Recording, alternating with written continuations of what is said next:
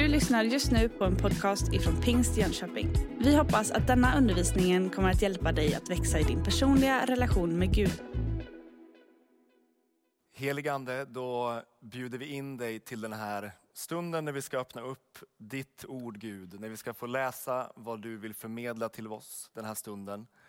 Och vi bara ber Herre, kom och visa någonting för oss. Tala till våra liv, utmana oss på rätt sätt, uppmuntra oss på rätt sätt.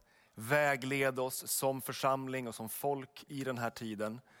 Tack Jesus för att du är här genom din heliga ande. Du är på de platser där vi finns och du vill tala den här förmiddagen.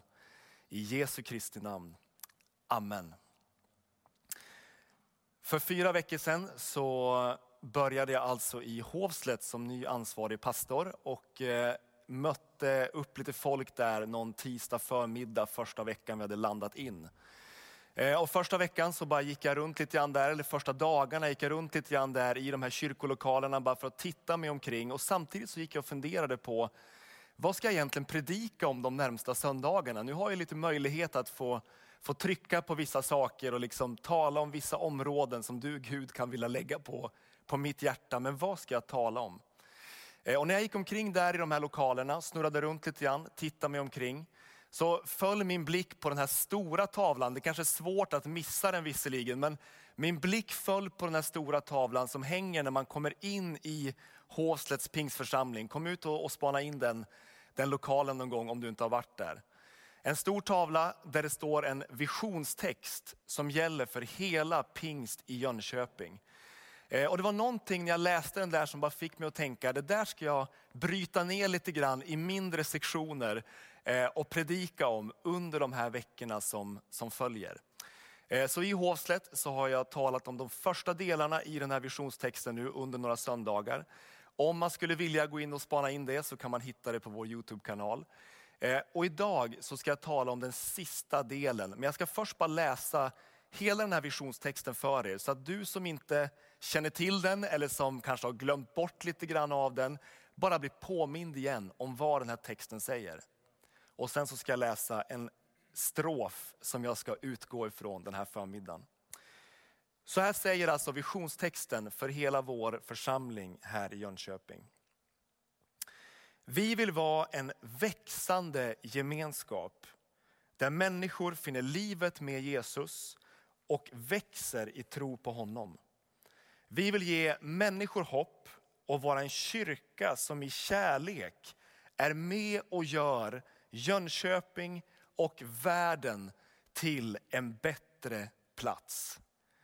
De första söndagarna så har jag talat om vad jag tror behövs för att liksom på något sätt bli en växande gemenskap där människor kan växa i tro. Vad som behöver vara grunden för att vi ska se det hända. Sen har jag också talat om att vi som församling kan få vara ett hoppets tecken. Mitt in i en tid som man på många sätt kan känna är ganska orolig och oviss. Och liksom, vart är vi på väg någonstans i den här situationen vi har runt omkring oss? Vi kan vara ett hoppets tecken. Och den här söndagen så vill jag utgå från den sista delen i den här texten som sa så här. Vi vill vara en kyrka som i kärlek är med och gör Jönköping och världen till en bättre plats. Det där är ju en storslagen liksom bild en storslagen dröm och en storslagen vision. Precis som en vision ska vara. Den ska vara stor och den ska vara svår nästan att tänka, hur ska vi lyckas med det här? Eh, men den väcker ju någonting i en när man läser den. Vi vill vara en kyrka som i kärlek gör den här staden och den här världen till en bättre plats. Och nu tänker jag ju så här att jag skulle ju på ett sätt kunna lägga all min tid den här förmiddagen nu på att enbart ge tips och tankar och lite råd in i hur man skulle kunna göra det. Ni vet väldigt praktiskt och väldigt handfast och det skulle ju kunna vara lockande. Jag skulle gärna göra det också. Men det jag vill göra den här förmiddagen, det är istället att lägga min, mitt fokus på vad som behöver vara drivkraften. För om vi ska lyckas se den här staden förvandlas, om vi ska lyckas se den här världen bli en bättre plats, vad måste få vara drivkraften för allt vi gör, allt praktiskt vi utför, all tjänst vi finns i, allt ledarskap vi kan ställas i, allting vi gör, vad behöver vara drivkraften? Därför jag tänker att om drivkraften blir grumlig så kommer frukten alltid smaka illa i slutändan. Men om drivkraften är rätt, då blir det en god frukt. Som förändrar världen och förändrar vår stad. För några år sedan så hamnade jag och en kollega på en ledarskapskonferens i London. Vi kände kände vi ville åka iväg på någon sorts ledarskapsutmaning och få lite extra inspiration. Och då fick vi en möjlighet, jag en, en kollega och vän, att åka iväg på en ledarskapskonferens som arrangerades av Holy Trinity Brompton i, i London, en anglikansk kyrka som är mest känd kanske för att ha startat upp alfakurserna. Eh, och vi hamnade på den här ledarskapskonferensen. Vi kom ganska sent till den. Jag vet inte om det var flyget var sent eller tåget var sent. Eller det var någonting som strulade för oss lite grann på vägen in mot stan. Men vi kom sent dit, vi, vi checkade in oss och så liksom lyckades vi precis komma in till våra platser när den här första undervisningssessionen var på väg att liksom landa in mot avslutning. Så vi missade egentligen all den här inledande undervisningen. Men det var en sak som sades av Nicky Gamble som var ledare för den här konferensen och som är ledare för Alfa över världen. Det var en sak som sades som bara slog rot i mig där och då. Det fanns nog saker i mig som behövde höra det just vid det tillfället. Och det var en väldigt basal sak, en enkel grej, men det är det enda jag kommer ihåg från den här konferensen. Och det var att han sa typ så här, jag kommer inte, jag kommer inte exakt ihåg ordagrant, men typ så här. Att allt ledarskap vi kan utföra och egentligen all tjänst vi kan utföra för människor, för vår stad, för vårt land, för den plats vi finns. Det handlar i grund och botten bara om en enda sak. Det handlar om att älska människor. Och det handlar om att älska människor utifrån den kärlek som Gud ger in i våra liv. Allt ledarskap, all tjänst handlar om en sak. Att älska människor utifrån den kärlek som Gud ger. Så här säger Paulus i första Korinthierbrevet kapitel 13. Jag ska läsa hela det här kapitlet för oss nu. Häng gärna med. Första Korinthierbrevet kapitel 13 och så läser jag från vers 7 och fram till vers 13. Hela det här stycket. Känt stycke för er som har varit på ett bröllop någon gång. Så här säger Paulus. Om jag talar både människors och änglars språk men saknar kärlek så är jag bara ekande brons, en skrällande symbol. Om jag har profetisk gåva och känner alla hemligheterna och har hela kunskapen och om jag har all tro så att jag kan flytta berg men saknar kärlek är jag ingenting.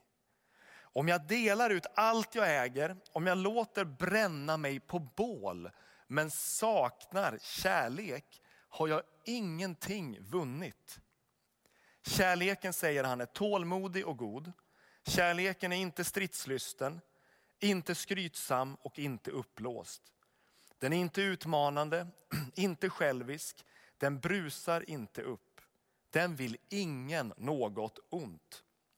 Den finner inte glädje i orätten men gläds med sanningen. Allt bär den, allt tror den, allt hoppas den och allt uthärdar den. Kärleken upphör aldrig, den profetiska gåvan den ska förgå. Tungotalet, det ska tystna. Kunskapen, den ska förgå. Ty vår kunskap är begränsad och den profetiska gåvan är begränsad. Men när det fullkomliga kommer ska det begränsade förgå.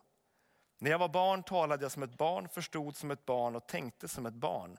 Men sedan jag blev vuxen har jag lagt bort det barnsliga. Ännu ser vi en gåtfull spegelbild, då ska vi se ansikte mot ansikte. Ännu är min kunskap begränsad, då ska den bli fullständig som Guds kunskap om mig. Men nu består tro, hopp och kärlek. Dessa tre, och störst av dem, är kärleken. Det här stycket vi precis har läst finns ju insprängt mitt i ett brev som tar upp en rad olika problemfrågor som har uppstått i en församling. Församlingen i Korint var en ganska ung församling. Man hade många olika utmaningar, problem, man hade frågor kring hur man skulle hantera sina nådegåvor, de andliga gåvorna. Man hade frågor kring hur man skulle leva privatmoral. Man hade frågor kring hur man skulle vara som ett folk mitt i den här världen. Eh, man hade en rad olika frågor som man kämpade med och som Paulus liksom väldigt praktiskt och tydligt adresserar i första Korinthierbrevet. Men sen mitt i det där brevet med alla de här praktiska frågorna om hur vi ska vara som församling, hur vi ska leva tillsammans, hur vi ska betjäna varandra och betjäna andra människor med våra gåvor. Så finns det här kärleksbudskapet liksom insprängt mitt i det här sammanhanget. Det är som att han bryter av alla de här praktiska frågorna och säger, nu ska jag bara låta er få se någonting av det som är absolut viktigast. I allt det här, det som är grunden för allt det andra. Nu ska ni få titta på det en liten stund. Och när jag läser den här texten så tänker jag mig att det är som att några frågor väcks upp i mig som nästan kan få, kan få fungera som en check i mitt liv för vad jag drivs av inom olika områden av tjänst och liv för varandra och för människor runt omkring mig.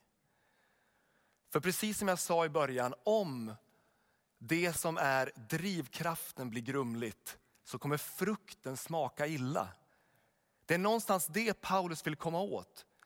Ni har fått tag på mycket av tjänst och gåvor och ledarskap. Men om drivkraften inte är rätt så blir det inte rätt. Och jag tänker så här att det här behöver vi få fånga upp in i våra liv även idag. Därför att vi alla har tendenser i våra liv. Jag har det, vi alla har det.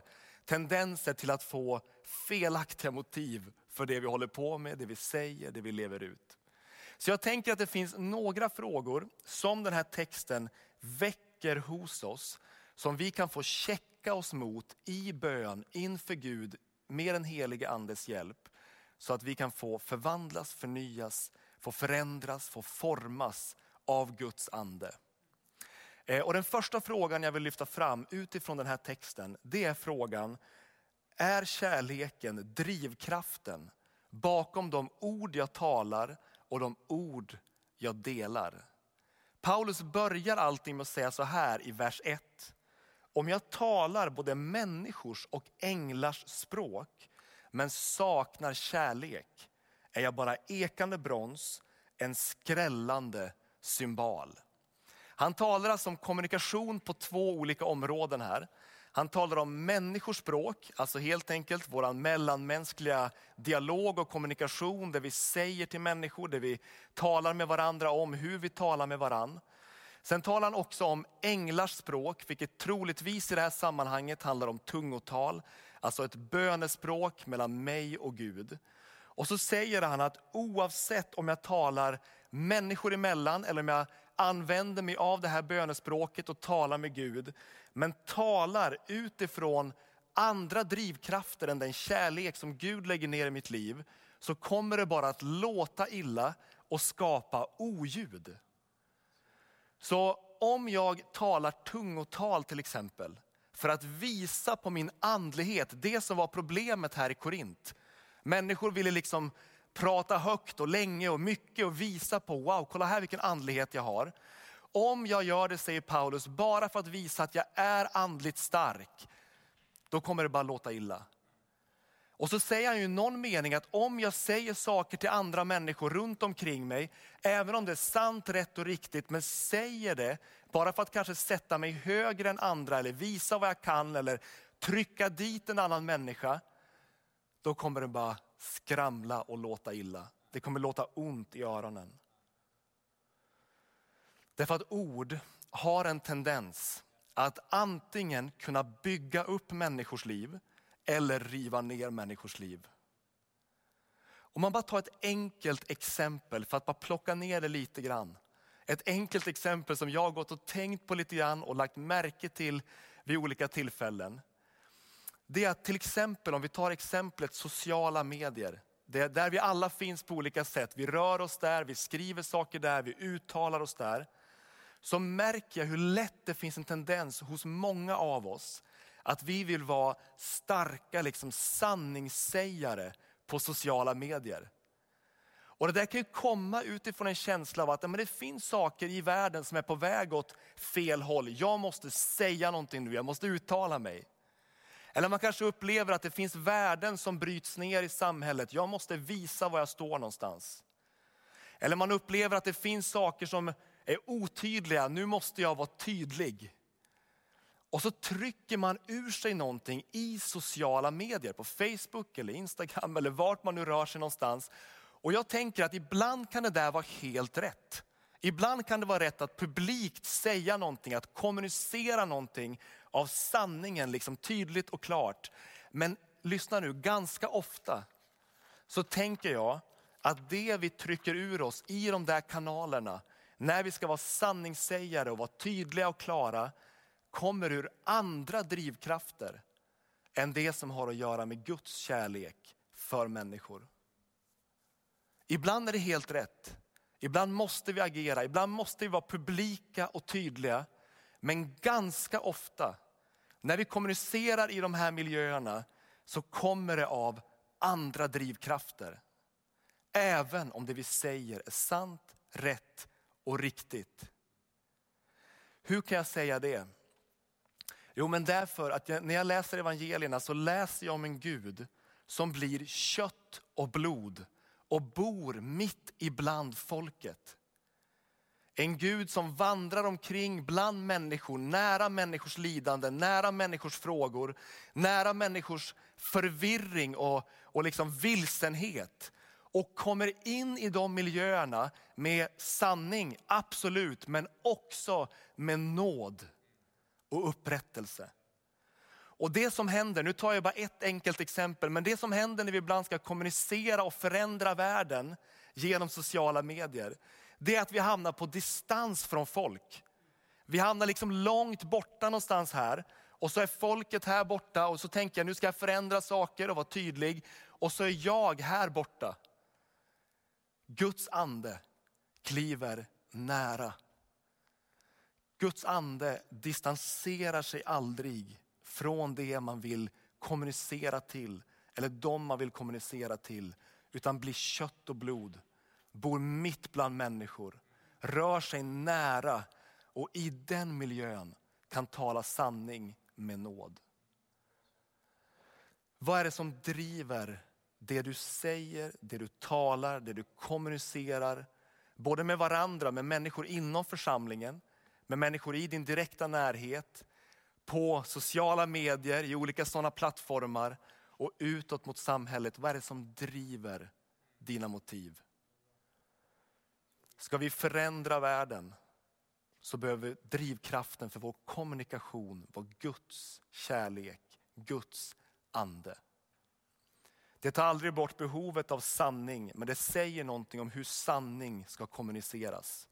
Paulus säger så här i Fesebrevet kapitel 4, och vers 1-2. Jag uppmanar er, säger han, som fånge för Herrens skull, att leva värdigt er kallelse. Alltid ödmjuka och milda, ha fördrag med varandra i tålamod och kärlek. Vad driver din kommunikation? Första frågan. Andra frågan, är kärleken drivkraften för den, den tjänst och de gåvor som jag verkar i, som du verkar i och fungerar i. En sak jag märker både hos mig själv och egentligen hos oss alla, det är hur lätt man kan falla över i en egen kärlek till den roll man lyckas få eller hamna i, eller den plattform man får ta del av. Det är en lätt frestelse att gå in i för varje människa som får en möjlighet, får en plats, får en situation att verka i och tjäna i. Eh, jag är 36 år snart, eh, fyller här nu om några veckor, så jag är inte så farligt gammal än, men jag rör mig sakta mot Markus åldrar, där han är här uppe någonstans. 36 år snart. Eh, och ungefär 15-20 år har jag fått möjlighet att vara ledare på olika sätt. Tack vare människor i min närhet som har låtit mig få pröva saker och testa grejer och få ta plats och gett förtroenden.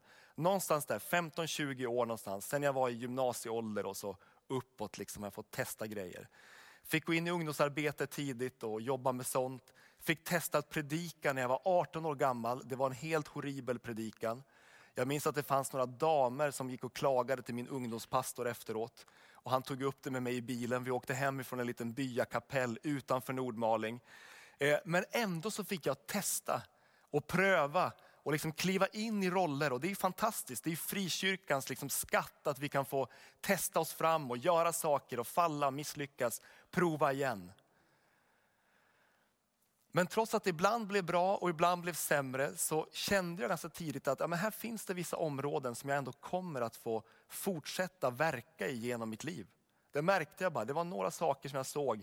Det här tror jag Gud har lagt ner i mig, det här kan jag få verka i och göra.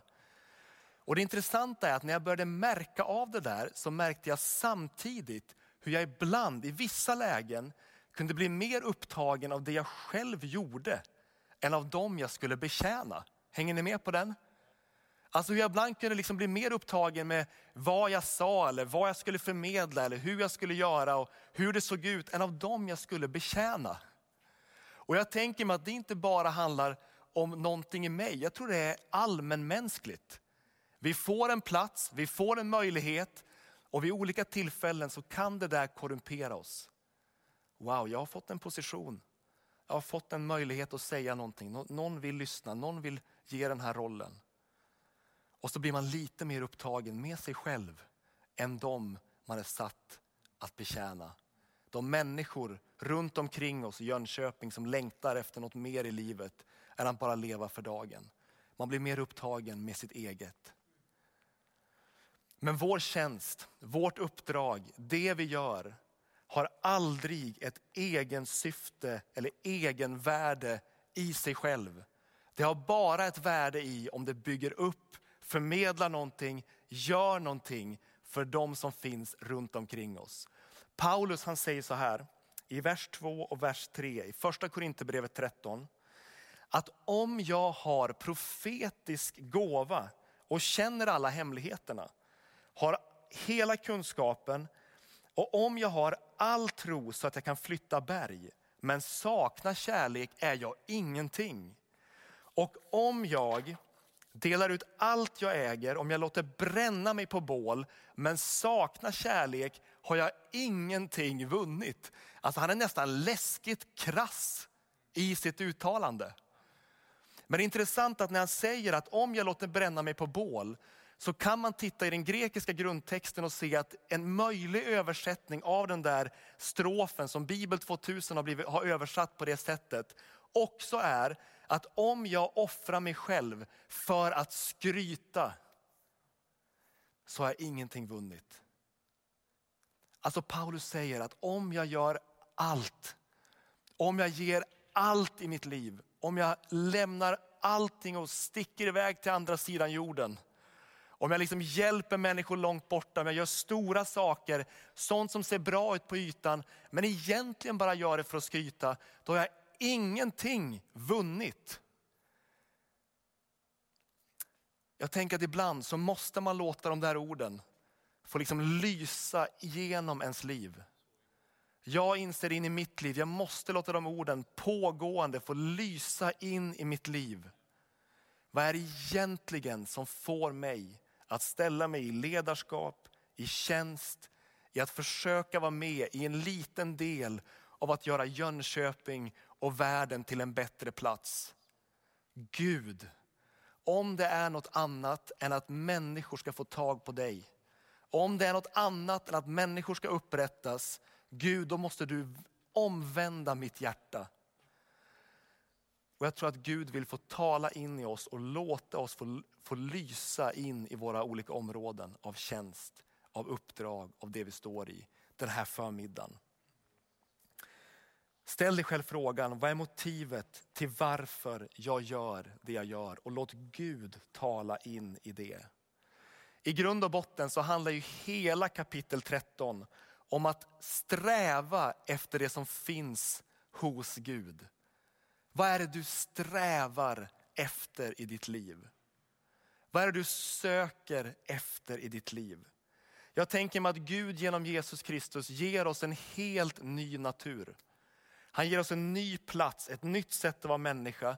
Han vill klä oss i sin kärlek, i sin godhet och i sin nåd. Och sen vill han sakta locka fram någonting nytt ur oss.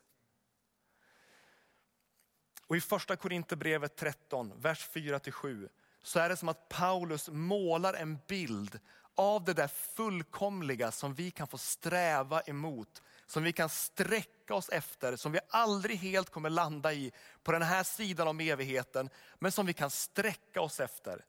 Han säger så här i vers 4, kärleken är tålmodig och god. Kärleken är inte stridslysten, inte skrytsam, inte uppblåst. Den är inte utmanande, inte självisk, den brusar inte upp, den vill ingen något ont. Den finner inte glädje i orätten men gläds med sanningen. Allt bär den, allt tror den, allt hoppas den och allt uthärdar den. Det är som att Paulus målar en vacker vision, en vacker tavla av det som fullkomligt finns hos Gud. Det här är det rena, det vackra, det vi kan söka oss emot. Och jag tror det är viktigt att komma ihåg att ingen av oss, inte jag, inte du, inte någon i det här gänget som är med i gudstjänstfirandet idag, ingen av oss drivs fullkomligt av rena motiv. Hänger ni med på den? Vi drivs inte fullkomligt av det. Jesus drevs fullkomligt av rätt motiv. Helt och hållet. Han, symboliser, han, han levde ut det som Paulus säger här. Helt och hållet. Men det är som att Paulus låter oss få se någonting som vi kan söka oss emot. Öppna våra liv för och säga Gud, kom med din ande. Kärlekens ande som vi har firat under pingsten här för en vecka sedan. Fyll mig igen, lys in i alla de här vrårna som jag försöker att dölja. Lys och visa och lär mig att följa dig på det sätt som du har tänkt och kallat mig till att följa dig. För Jönköpings skull, för världens skull, för den här regionens skull, för de människors skull som du har runt omkring dig och för din egen skull. Därför att det är bara det som finns hos Gud av sann kärlek som kommer bestå i evighet. Det är det som har evighetsvärde. Det är det vi behöver i våra liv. Jag skulle vilja få be en bön tillsammans med oss som firar gudstjänst nu. Och jag hade bara en, en liten känsla när jag liksom förberedde den här predikan. Av att det kan finnas människor som sitter nu och är med i detta och lyssnar på den här predikan och lyssnar på de här orden. Och som bara känner att ja, men det finns någonting som har blivit distanserat i mitt liv under den här pandemiperioden. Kanske någonting som har blivit lite mer kyligt i mitt liv. Alltså jag har hamnat lite på distans från folk, jag har tappat församlingen lite grann eller jag har tappat människor runt omkring mig, jag har blivit lite mer på min egen kant. Och någonting har blivit lite kyligt, kanske lite cyniskt, kanske lite distanserat. Och jag tror att Guds ande på ett särskilt sätt vill kliva in i den människas liv eller de människors liv som just nu bara känner igen sig i de orden. Och värma hjärtan, värma upp våra liv för den här världens skull. Så nu vill jag bara be för dig som känner igen dig i det först och be att Gud ska få komma och göra det han vill göra. Helige Ande, återigen, vi tackar dig för att du är den som fyller oss med kärlek. Tack för att du är den som fyller oss med rätt drivkraft, rätt fokus, rätt blick. Tack för att du är den som värmer våra hjärtan. Det som har blivit kyligt, det som har blivit kallt, det värmer du. Det smälter du. Tack för att den blick som har blivit distanserad och avlägsen, den låter du igen få komma nära Herre. Så nu ber jag speciellt för den som bara känner igen sig i det där. Någonting i mig har blivit distant. Jag har blivit lite hårdare i mina omdömen. Jag har blivit lite kallare. Jag vakar lite mer över positionen än vad jag egentligen bryr mig om människor. Den som känner igen sig i det just nu.